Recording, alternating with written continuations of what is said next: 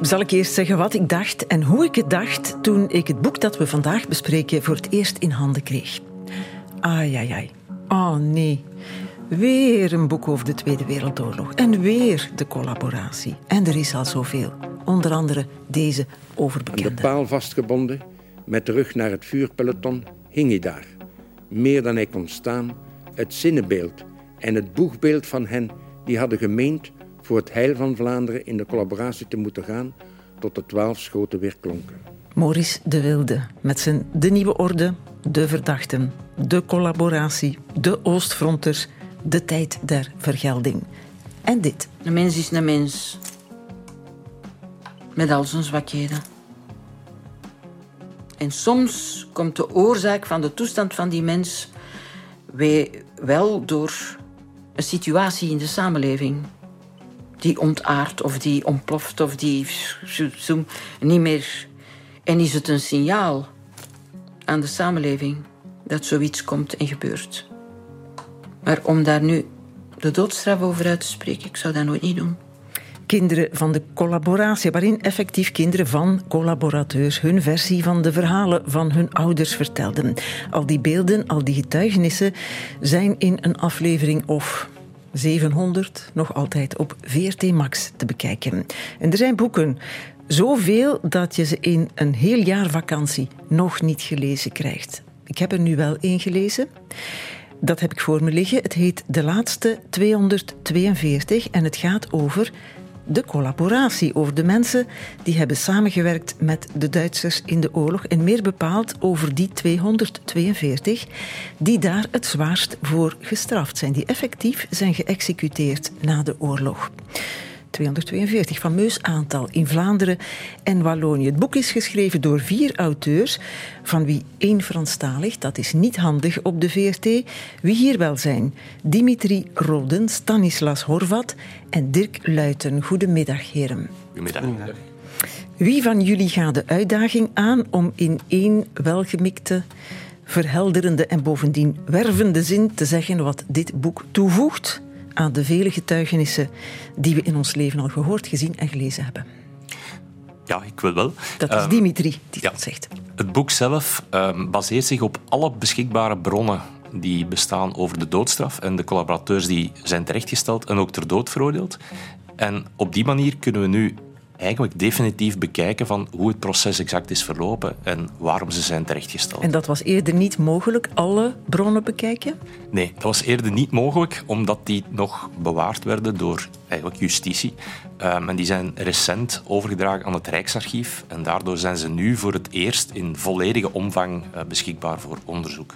En nu toegankelijk door jullie dus ook. Jullie hebben daar met z'n vieren heel hard aan gewerkt. Dat moeten heel veel bronnen zijn. Waar baseerde zo'n Maurice de Wilde zich dan op? Maurice de Wilde baseerde zich op dezelfde bronnen. Um, maar gedeeltelijk. Hij kreeg in handen wat de magistraten hem lieten inkijken.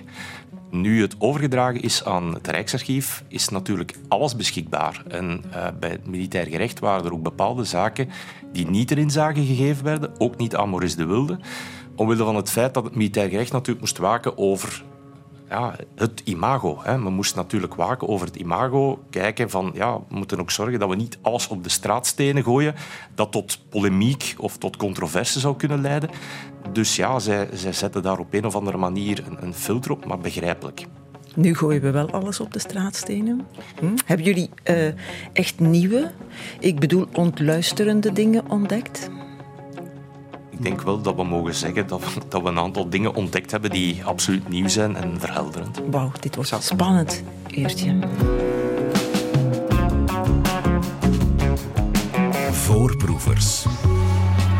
Gevoelig thema vandaag nog altijd. Bij veel mensen en ook politiek is ze altijd controversieel geweest. De zogenoemde repressie, de vervolging, bestraffing, vooral de executies van mensen die de Duitsers hadden geholpen na de Eerste, vooral na de Tweede Wereldoorlog. En nu hebben drie mannen het ultieme boek geschreven. Ze heten Dimitri Roden, Stanislas Horvat en Dirk Luiten. Het boek is ultiem, want gebaseerd op feiten, op bronnen die tot voor kort niet in te kijken waren, of toch maar gedeeltelijk in te kijken waren, wegens achter de sloten en grendels van het militair gerecht. De sloten zijn nu weg, de bronnen zitten in het Rijksarchief en ze werpen nieuw licht. Dat hebben jullie net gezegd, hè, mannen, op de 242 mannen en vrouwen die na de Tweede Wereldoorlog effectief zijn geëxecuteerd. Dat nieuwe licht schijnt in 300 pagina's, waarvan er zes een lijst bevatten van geraadpleegde literatuur en 26, 26 een opsomming van geraadpleegde dossiers,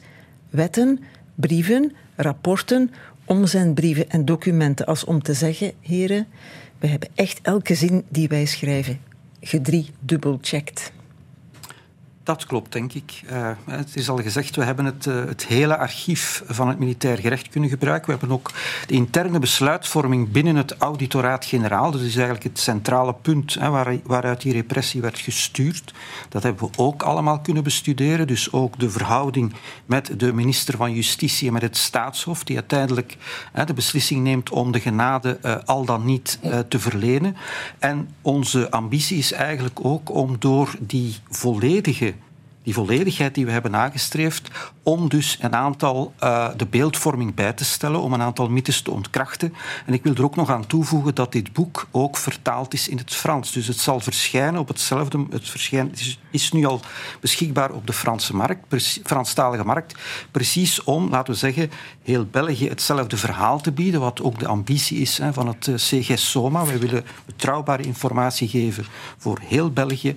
En dit project, hebben we dat kunnen doen in in dit project in nauwe samenwerking met de militaire ja, school. De manier waarop je het zegt verraadt dat het gevoelig ligt. Hè? Dat jullie nog altijd heel bang zijn om foute dingen te zeggen. Het is waar, hè? Bang zijn we niet om foute nee, dingen ja, Ik zou het niet bang noemen, maar er zijn snel foute dingen gezegd. En jullie zegden net, ja, het is voor een deel afgedekt om polemiek te vermijden. Maar er is veel polemiek. Hè? Er is hoe dan ook veel controverse, nog altijd. Maar ik denk dat uh, heel veel mensen hun eigen, hun eigen mening daarover willen maken. Ook al hebben ze de dossiers niet gezien. Maar ze hebben wel allemaal, of eh, mensen met een mening erover, hebben ergens iets meegemaakt, hè, zijn betrokken geweest. Zijn misschien niet zelf, maar hun familie. Sommigen wel, maar je merkt toch vandaag dat er heel veel mensen een standpunt innemen. En waar je dan van denkt van, heb je eigenlijk ooit dat dossier eens in handen gehad? Nee, want het kon niet en het mocht niet. Maar dan zou je moeten onthouden van commentaar. Ja, maar de commentaar kwam zelfs ook van de documentairemakers. Die waren ook niet onbevooroordeeld en neutraal. Ik laat nog zo'n stukje Maurice de Wilde horen. Het fragment van daarnet, maar dan helemaal. Aan de paal vastgebonden, met de rug naar het vuurpeloton, hing hij daar. Meer dan hij kon staan, het zinnenbeeld en het boegbeeld van hen die hadden gemeend voor het heil van Vlaanderen in de collaboratie te moeten gaan tot de twaalf schoten weer klonken. Want op die prille lentemorgen van de 12 april 46 op het binnenplein van de Rijkswachtkazerne te Etterbeek werd voor vele steeds maar nieuwe generaties van Vlaamse nationalisten een mythe, een reliquie van mateloze verering, een afgod in het leven geroepen, die hun houding tegenover België slechts in uitgesproken negatieve zin kan beïnvloeden. Bepaalde publicaties bewijzen dat te over. Bij de repressie zijn er trouwens nog andere tragische figuren geweest. Ja, ja. Dat is Maurice de Wilde over August Borms. In twee zinnen, heel kort, wie is August Borms? August Borms was een belangrijk collaborateur, een belangrijk kopstuk van de collaboratie tijdens de Tweede Wereldoorlog, maar die ook veroordeeld geweest was voor collaboratie tijdens de Eerste Wereldoorlog. Uh, en dus een van de 242 die uh, terechtgesteld, terechtgesteld zijn.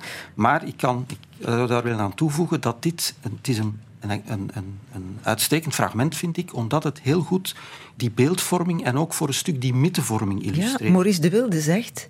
Er zijn nog andere tragische figuren geweest bij de repressie. Met andere woorden, Borms was ook een tragische figuur. En dus niet verstandig geweest om hem te executeren. Ja, dat, is wat ik, dat is wat je interpreteert. Hè? Dat is wat men interpreteert, inderdaad. Maar ik denk op basis van de dossiers die wij gezien hebben. Uh, dat je dan toch wel een ander beeld krijgt dan het beeld dat Maurice de Wilde hier, uh, hier ophangt. Maar kunnen jullie dan zeggen op basis van die dossiers, nu voor eens en voor altijd, August Borms is terecht terechtgesteld. Ja, het is niet aan de historicus om een, om een oordeel te vellen. Hè. En het is nu ook heel makkelijk om terug te kijken naar keuzes die mensen gemaakt hebben in oorlogstijd, die daar een, ja, een de zware prijs voor betaald hebben, in zijn geval de doodstraf. Maar als we naar August Borms kijken, los van alle polemieken en, en los van uh, mening of, of persoonlijke of politieke voorkeur, dan moeten we in eerste instantie toch benadrukken dat Borms tijdens de Eerste Wereld, of na de Eerste Wereldoorlog al ter dood veroordeeld was wegens activisme, zoals het toen heette. Um, ja, dat wist Maurice de Wilde ook. Hè? Maurice de Wilde wist dat inderdaad. Um, nu, het zal in de loop van het gesprek wel duidelijk worden. Dat zijn natuurlijk de, de symbooldossiers of de dossiers die naar voren geschoven worden als het voorbeeld van de geëxecuteerde. Maar dat is Borms absoluut niet. Nee, maar de vraag is, hè, op basis van wat jullie nu hebben ingekeken, en daar zal August Borms hebben tussen gezeten, kunnen jullie zeggen, daar moet nu niet meer over gezeurd worden? Ja, um, dat is altijd het, het, grote, het grote gevaar met historisch onderzoek. Uh, historici doen onderzoek op basis van bronnen, trekken conclusies, proberen die naar een breed publiek te vertalen. Maar die conclusies moeten natuurlijk wel ingang vinden. En bepaalde mythes zijn zo hardnekkig dat we het vaak moeten blijven herhalen tot in de treuren toe om uiteindelijk een mythe te proberen ontkrachten. Ja, ja, maar nu hebben jullie... Het is niet herhaaldelijk en in of uit een treur. Het is eens en nooit meer, want jullie hebben nu die bronnen, die nooit geraadpleegde bronnen. Het is trouwens dag van de klant. De mensen komen hier live aan de studio kijken. We worden werkelijk live uitgezonden. Hè? Dag mensen, allemaal, dag klanten. Goed, ik moet, ik, die doodstraf, hè, dat, dat is ook uitzonderlijk. Hè. In die zin de controverse te begrijpen, toch ook wel, hè, die daarover ontstaat. Want de doodstraf, in, bij mijn weten, is dat een eeuw ervoor al afgeschaft. is te zeggen, nooit meer uitgevoerd. En dan plots wordt die weer uitgevoerd na de oorlog. Uiteraard ontstaat daar controverse over, toch? Het is wel juist dat sinds 1863 men de, het beleid had om geen doodstraffen meer uit te voeren. maar um, tijdens Wereldoorlog 1 zijn er ook nog een aantal mensen gefusilleerd. Geen 242? Uh, eh, geen 242. Uh, momenteel zijn we aan 23, uh, eh, omdat die archieven niet volledig zijn. Dus er zal waarschijnlijk nog wel eens iets uitkomen. Um, maar men heeft, en dat is misschien wel belangrijk om te vermelden, na die Eerste Wereldoorlog geen enkele persoon gefusilleerd voor, of terechtgesteld in het algemeen voor, um, voor collaboratiefeiten. Dus de, degenen die gefuseerd zijn tijdens de oorlog, uh, dat waren mensen die, ofwel de soldaten, een paar soldaten die uh, militairrechtelijke misdrijven hadden gepleegd, of een paar personen die voor spionage of vermoedelijke spionage zijn gefuseerd. Ja, maar als het dan na de Tweede Wereldoorlog op zo'n toch relatief grote schaal gebeurt, dan snap je dat mensen daar vragen bij hebben. En zich afvragen, is dat wel fair gebeurd?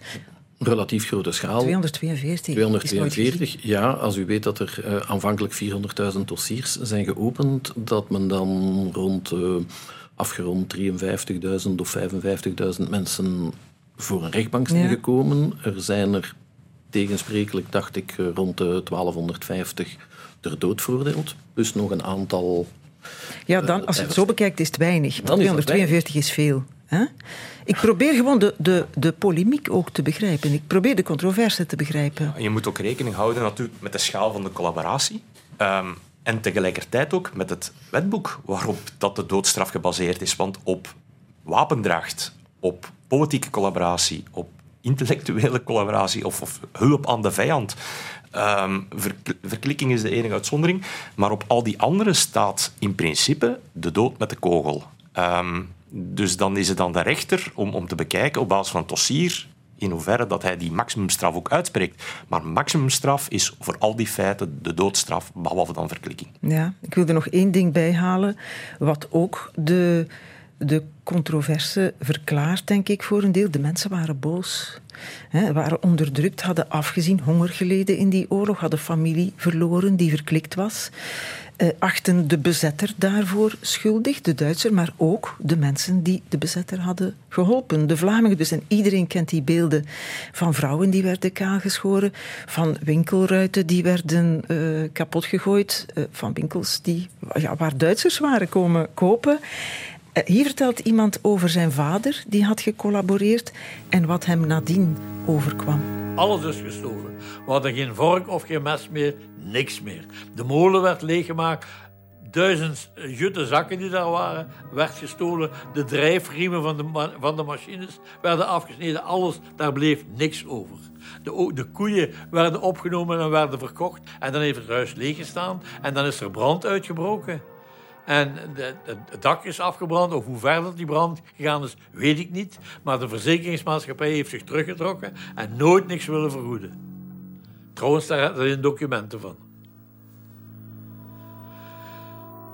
Ja, mijn vader was geruineerd. Zijn leven lang hard gewerkt, spaarzaam geleefd. En mijn moeder ook. En alles kwijt. Ja, je snapt dat, hè, dat mensen zeggen daar is gratuit bestraft. Op straat gebeurde dat, hoe dan ook. Hè? Wel, ik, ik denk dat we toch het onderscheid moeten maken tussen wat men dan noemt de straatrepressie of Zeker. de reactie van mensen op de straat en wat justitie gedaan heeft. Want die gefusilleerden, dat is het gevolg van rechtbanken die een uitspraak hebben gedaan en dan is daar een hele procedure ja, op gevolgd. En dit, wat hier met die vader en die moeder is gebeurd, dat zal niet in de archieven van, uh, van het militair gerecht hebben gezeten. Hè? Dat zijn dingen die jullie niet hebben kunnen checken. Nee. Indien die personen later zijn vervolgd, dan vermoed ik dat daar wel processen verbaal in. Uh, enfin, ik heb niet alle dossiers ook niet bekeken. Uh, maar dat, er dat, uh, dat dat wel in processen verbaal mm -hmm. zal mhm. zijn beschreven. Maar dat is niet relevant voor het feit wat zij, of voor de feiten die zij begaan hebben en waarover dan wel een uitspraak is geweest. En ik denk dat we eigenlijk in die, in die visie van die Tweede Wereldoorlog, in die herinnering, dat heel veel mensen eigenlijk kijken naar die beelden van wat is er daar gebeurd met die huizen die in, elkaar, eh, die, die in brand zijn gestoken, die meubels die uit de ramen zijn gegooid, mensen die geschoren, afgeslagen werden enzovoort. Maar dit is niet, dat was niet de staat. Dat was niet de overheid. En het is trouwens de bedoeling geweest van de, van de Belgische overheid om via die militaire rechtbanken zo snel mogelijk ja, eigenlijk orde op zaken te stellen en zo snel mogelijk het heft in handen te nemen. En van, het gezag van de staat. Het gezag van de staat in plaats van het gezag van de straat. Daar moeten we zo meteen eens dringend gaan meekijken in die archieven. Maar wij waren op weg naar de archieven van de militaire rechtbank. Daarvoor moeten we in het Rijksarchief zijn tegenwoordig. Jullie, drie heren, hebben ze voor het eerst kunnen inkijken. Hè? Dimitri Roden, Stanislas Horvat en Dirk Luiten. In de archieven zitten onder andere de verslagen van de processen na de oorlog. Die 242 geëxecuteerden waarover jullie boek gaat, hebben die allemaal een proces gekregen? Ze hebben allemaal een zeer proces, stellig, hè? Zeer stellig. Ze hebben allemaal een proces gekregen. Ze hebben alle mogelijkheden gehad om beroep aan, hoger beroep aan te tekenen, cassatieberoep aan te tekenen. Ik denk dat ongeveer 90% dat ook gedaan heeft. Dus ze hebben alle mogelijke rechtsmiddelen kunnen uitputten. En ook de genadeprocedure werd door het auditoraat-generaal zo georganiseerd dat zij alle mogelijkheden hadden om hun rechten, hè, om hun rechten eigenlijk uh, te doen gelden. Ja, dat is dus heel duidelijk. Is... Dat is, dat, daar kunnen we 100% niks, zeker Ja, niks met de natte vinger gebeurd. Nee, absoluut. Jullie zegden daarnet, er zijn veel doodstraffen uitgesproken 1200. Om en bij, hè. Dat, dat, dat hangt er zo'n beetje vanaf van hoe je telt. Um, maar er zijn er veel niet uitgesproken, uh, uitgevoerd. Uh, wel 242. Hè. Um, denkend aan de traagheid van het gerecht van deze dagen, was het in die tijd sneller? Ik denk dat je een onderscheid moet maken tussen, u zegt de traagheid van het gerecht, het militair gerecht werkte heel snel. Men is onmiddellijk begonnen. Men had de informatie, men had vrij veel informatie. Men is onmiddellijk begonnen met berechten. Precies hè, om die volkswoede uh, te vermijden en tegen te houden. En het gerecht heeft snel gewerkt, maar dan komt de procedure van de genade.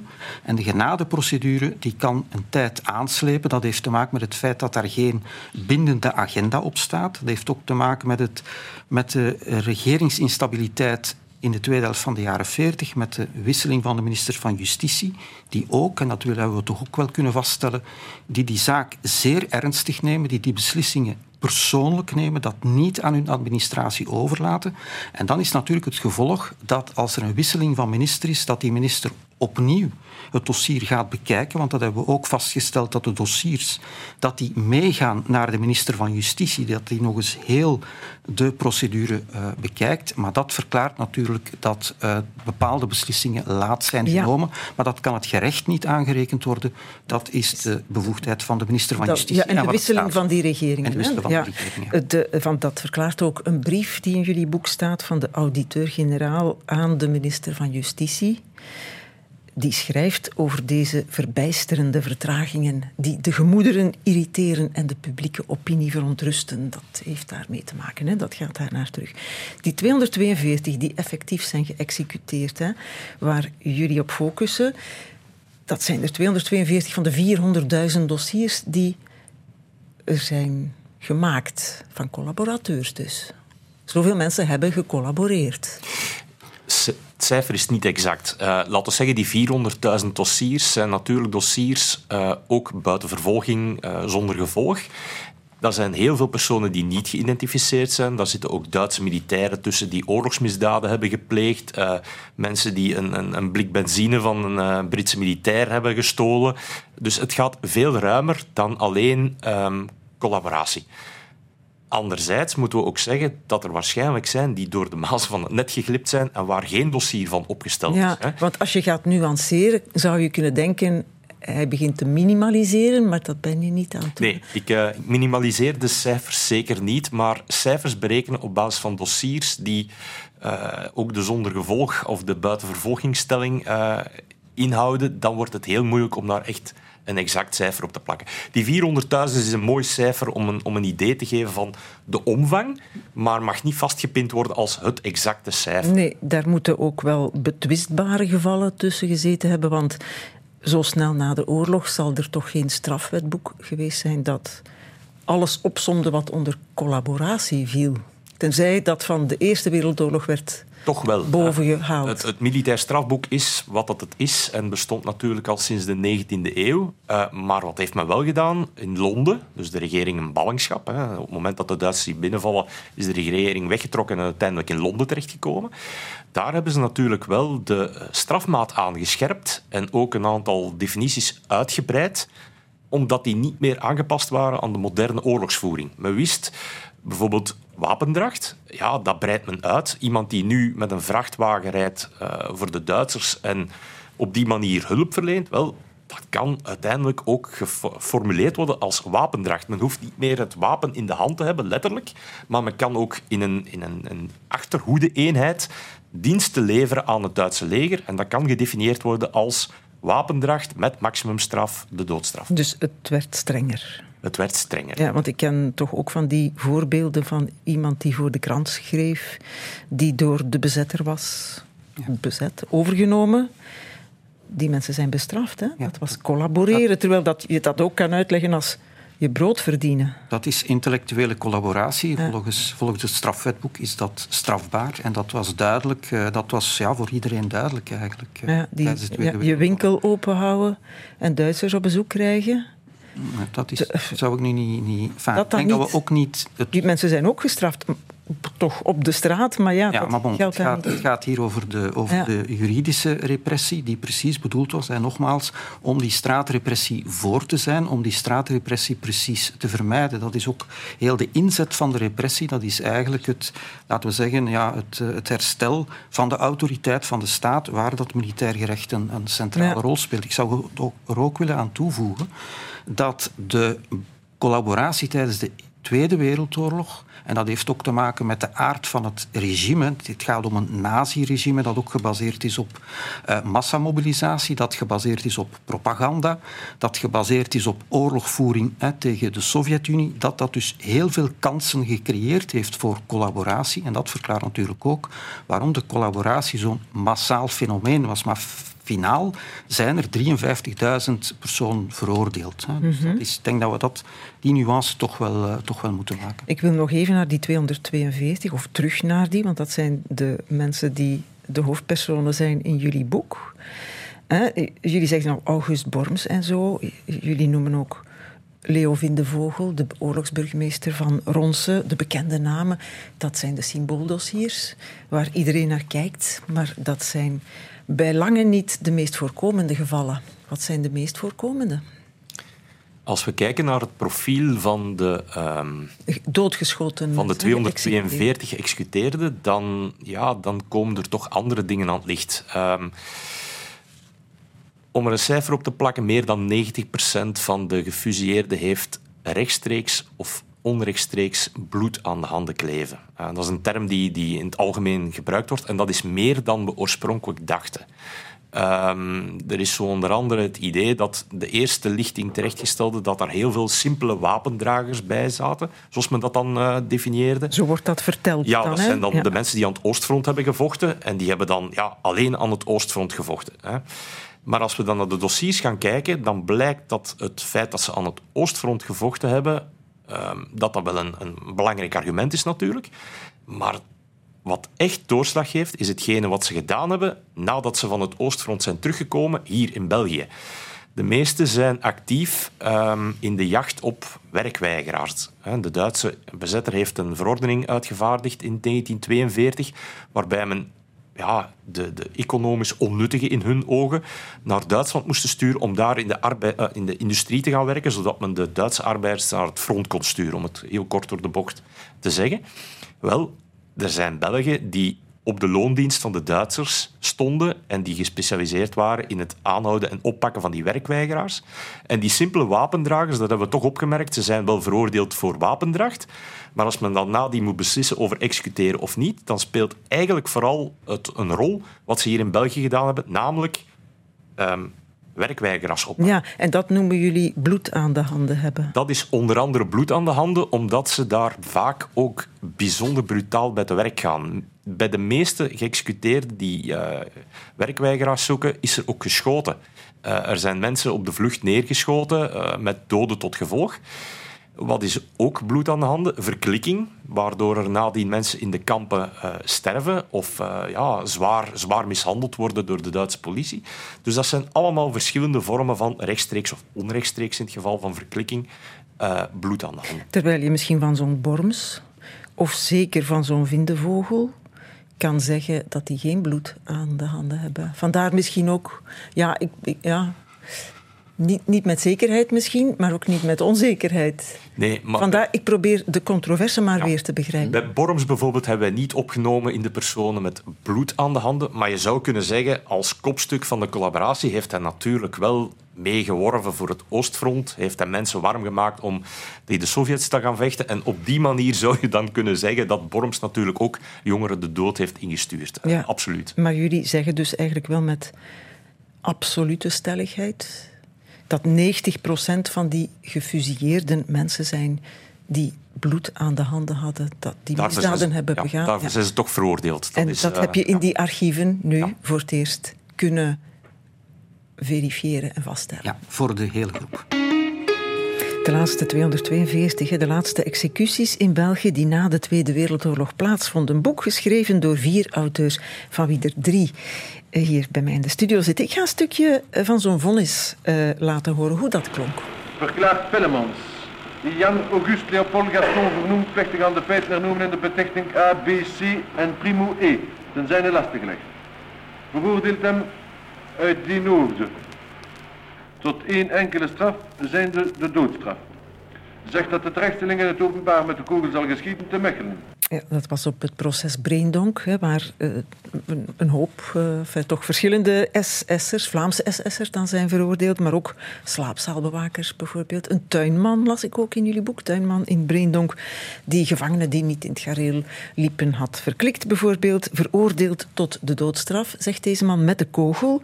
Specifieert hij, is dat omdat het soms ook via ophanging gebeurde of, of via onthoofding bijvoorbeeld? Nee, uh, de procedure was zo dat, uh, dat iedereen geëxecuteerd werd. Hè. Dat was zo uh, wettelijk vastgelegd. En bij die executies komt het militair gerecht opnieuw in beeld, omdat zij die executies moeten, moeten organiseren.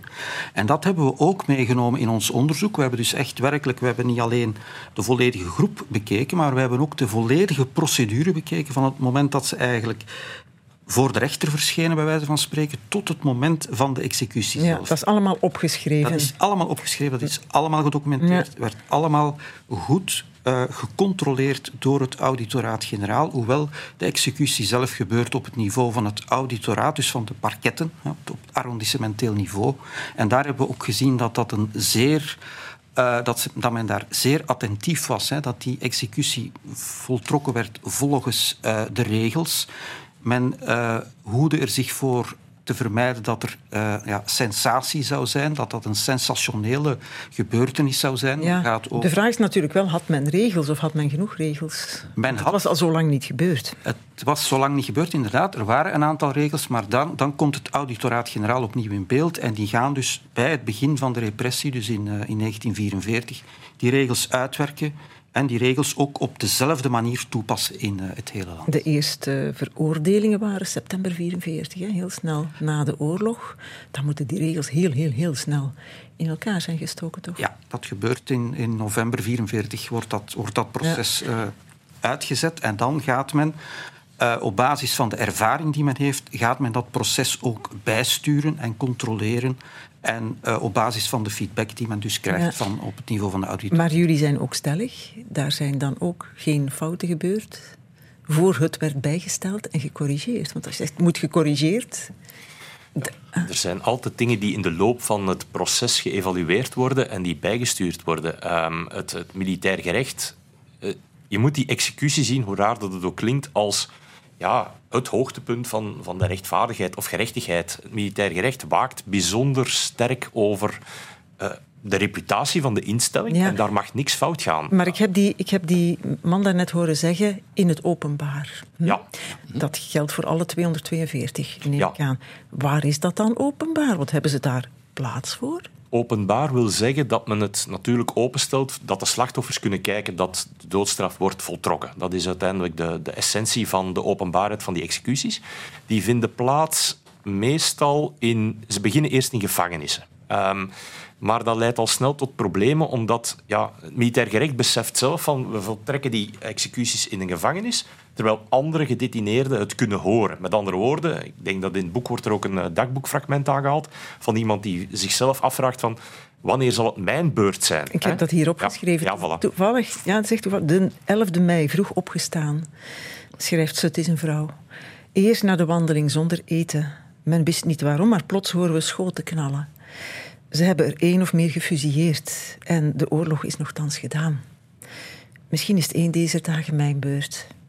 Mijn god, hoe lang nog? Vandaag leid ik bitter. Dat is een veroordeelde vrouw. Ja. Maar daar breekt je hart wel van, hè? Ja, um, je moet wel rekening houden met het feit, uh, ja, als je die ego-documenten natuurlijk gaat beginnen lezen, dat is één deel van het verhaal. Als je het dossier ernaast gaat leggen, dan ga je natuurlijk andere argumenten hebben.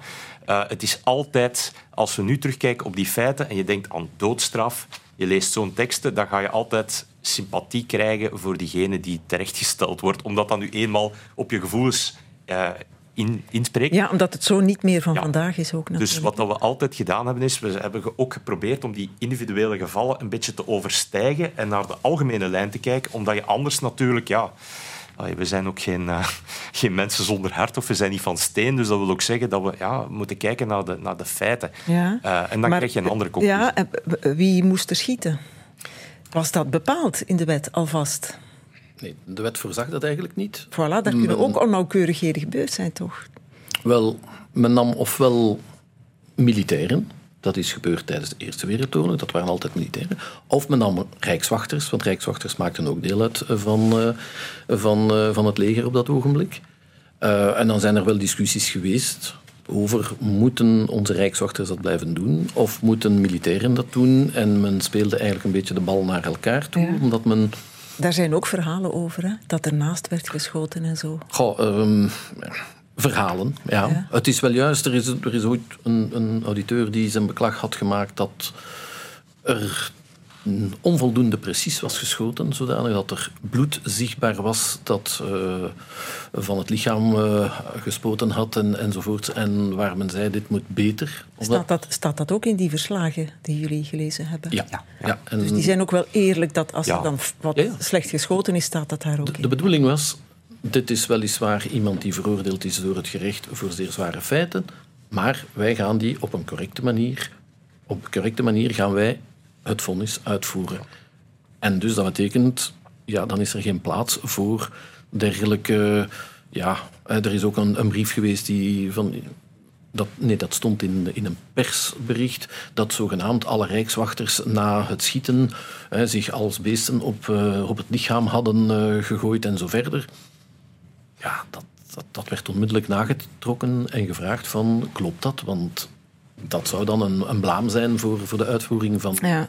Dus in de processen, nog in de terechtstellingen, hebben jullie veel onnauwkeurigheden eh, vastgesteld. Het, het militair, ja, onnauwkeurigheid, militair gerecht is kritisch voor zichzelf. Hè. Op het moment dat die um, terechtstellingen of terechtstellingsverloop, dan gaat men natuurlijk wel kijken van wat kan beter. Um, en zo is er een brief van een auditeur die plots zegt van ja, we hebben hier kinderen op een executieplaats gezien, die horen hier niet thuis. Uh, en uh, het voorlezen van het vonnis heeft, heeft bijna twintig minuten in beslag genomen. Dat is onmenselijk. Met andere woorden, men denkt ook aan het niet alleen aan het beeld van de instelling, maar men houdt ook rekening met de rechten van, de, ja, van diegene die zal terechtgesteld worden. Het moet niet onnodig gerokken worden. Dat is eigenlijk de, de, conclusie. Ik wil nog even terug naar dat uh, genade verlenen, omdat de tijd mhm. beperkt is en bijna op. Maar jullie hebben al verteld, hè, je, je kon een genadeverzoek indienen. 90% van die veroordeelden deed dat. En dan was het de koning die besliste, of de prins-regent. En eigenlijk de minister van Justitie, of die genade werd toegekend. Hè. En dat daar verschillende regeringen eh, elkaar hebben opgevolgd. Dus je had verschillende ministers die dat dan telkens opnieuw moesten doen. Hing het er een beetje van af of die minister dan een socialist of een pakweg liberaal is? Nee. Uh, in, in, eerste, in eerste vaststelling is dat de meeste ministers van Justitie katholiek of uh, liberaal waren. Uh, maar wat we vaststellen is dat er eigenlijk geen, laten we zeggen, geen doorslaggevend verschil is te merken tussen die verschillende ministers van Justitie. Hè. Maar geven die een motivatie als ze genade verlenen of niet? Lezen jullie in de verslagen, in de dossiers, een motivatie voor die genade? Wel, uh, die de exacte besluitvorming daarover reconstrueren is niet altijd mogelijk. Hè, om de eenvoudige reden, we hebben alle archieven gezien die er denk ik bestaan, die er te zien zijn. Er is op geen enkele manier censuur of wat dan ook uh, uitgeoefend, maar het is nu eenmaal zo dat bepaalde elementen niet altijd aan het papier worden toevertrouwd. Dus dan zijn er ook geen archieven, of dat er bepaalde archieven nog wel zijn. En ja, wat u nu voorzichtig zegt, hè, bepaalde argumenten zijn niet aan het dossier toevertrouwd of toegevoegd Welke argumenten? Of niet noodzakelijk. Hè. We kunnen ja, dat, maar wat is dat dan bijvoorbeeld wat ontbreekt en wat jullie graag hadden geweten? Wel, uh, in een ideale wereld zouden we graag de heel, het hele kabinetsarchief gezien hebben, bijvoorbeeld van, van, van het staatshoofd, of alle kabinetsarchieven van de ministers van Justitie, omdat het de mensen van de kabinetten waren die daar natuurlijk een belangrijke rol in speelden. Maar die archieven zijn niet altijd bewaard of zijn niet, laten we zeggen, in een, op een heel gedetailleerd uh, niveau be uh, bewaard. Een andere reden zou ook kunnen zijn dat men er moet voor opletten dat men de kroon niet ontbloot, zoals men dat zegt. En als men alle beslissingen die door het staatshoofd genomen worden heel goed gaat documenteren, zou die kroon kunnen ontbloot worden. Ah, ja. Dus daar zit toch dat kleine kinkje in de kabel nog. Want jullie zeggen, we hebben alles gelezen nu. We hebben nu een definitief beeld van wat daar wel en niet is gebeurd. Dat is allemaal correct volgens processen gebeurd en volgens de wetten. Maar hier zit er een klein missertje. Iets waar jullie geen zicht op hebben. Ja, maar dat is, laten we zeggen, als we, ik denk als we alle archieven naast elkaar leggen, alles wat we gezien hebben, hè, ook de stukken van het auditoraat-generaal enzovoort, de correspondentie, dat we toch wel kunnen zeggen dat, uh, laten we zeggen, dat we, ja, dat we het grootste deel van wat er te weten is, weten op dit moment. Ja. Is dit nu dan het uh, laatste, enige definitieve, ultieme boek over de executies na de Tweede Wereldoorlog? Want eh, als, als, als het waar is wat jullie zeggen, we hebben nu alles gecontroleerd, alles uitgeplozen, dan kunnen er geen mensen meer opstaan die zeggen: mm, het zijn weer linkse historici die zich daarop hebben gegooid. Wij trekken dat in twijfel. Oh, je weet natuurlijk nooit of er nog ergens een doos kan gevonden worden in het Koninklijk Paleis bijvoorbeeld. Want wij hebben, eh, wij hebben zoals gezegd, geen specifieke bronnen over dat, wat, er, wat er bij het staatshoofd gebeurd is. Wij gaan ervan uit dat waarschijnlijk niet alles opgeschreven is. Misschien hebben ze het niet bewaard. Maar net zo goed, ja, verschijnt er nog wel ergens binnen 10 jaar of 20 of 30 jaar een doos ergens en kan dat stuk toch nog worden toegevoegd uh, van de puzzel. Jullie houden wel de weg vrij om hier nog een vervolgje aan te breien ooit. Hè? Als die doos nog gevonden wordt, dan kan er nog een boek komen van de laatste toevoegingen van de koning en van de prins-regent tijdens de executies of voor de executies die plaatsvonden uh, na de Tweede Wereldoorlog. Daarboven uh, wie kritiek wil geven, moet eerst maar deftig het boek lezen, vind ik. Anders kun je geen kritiek geven. Boek genaamd De Laatste 242. Terechtstellingen van collaborateurs in de Tweede Wereldoorlog, eveneens in het Frans verkrijgbaar. Op dit moment, en de auteurs heten Dimitri Roden, Stanislas Horvat en Dirk Luiten. Ook een Franstalige auteur, dat is Elise Retzoazi. Oké, okay, boek is uitgegeven bij Lano. Dank jullie wel, heren. Voorproevers.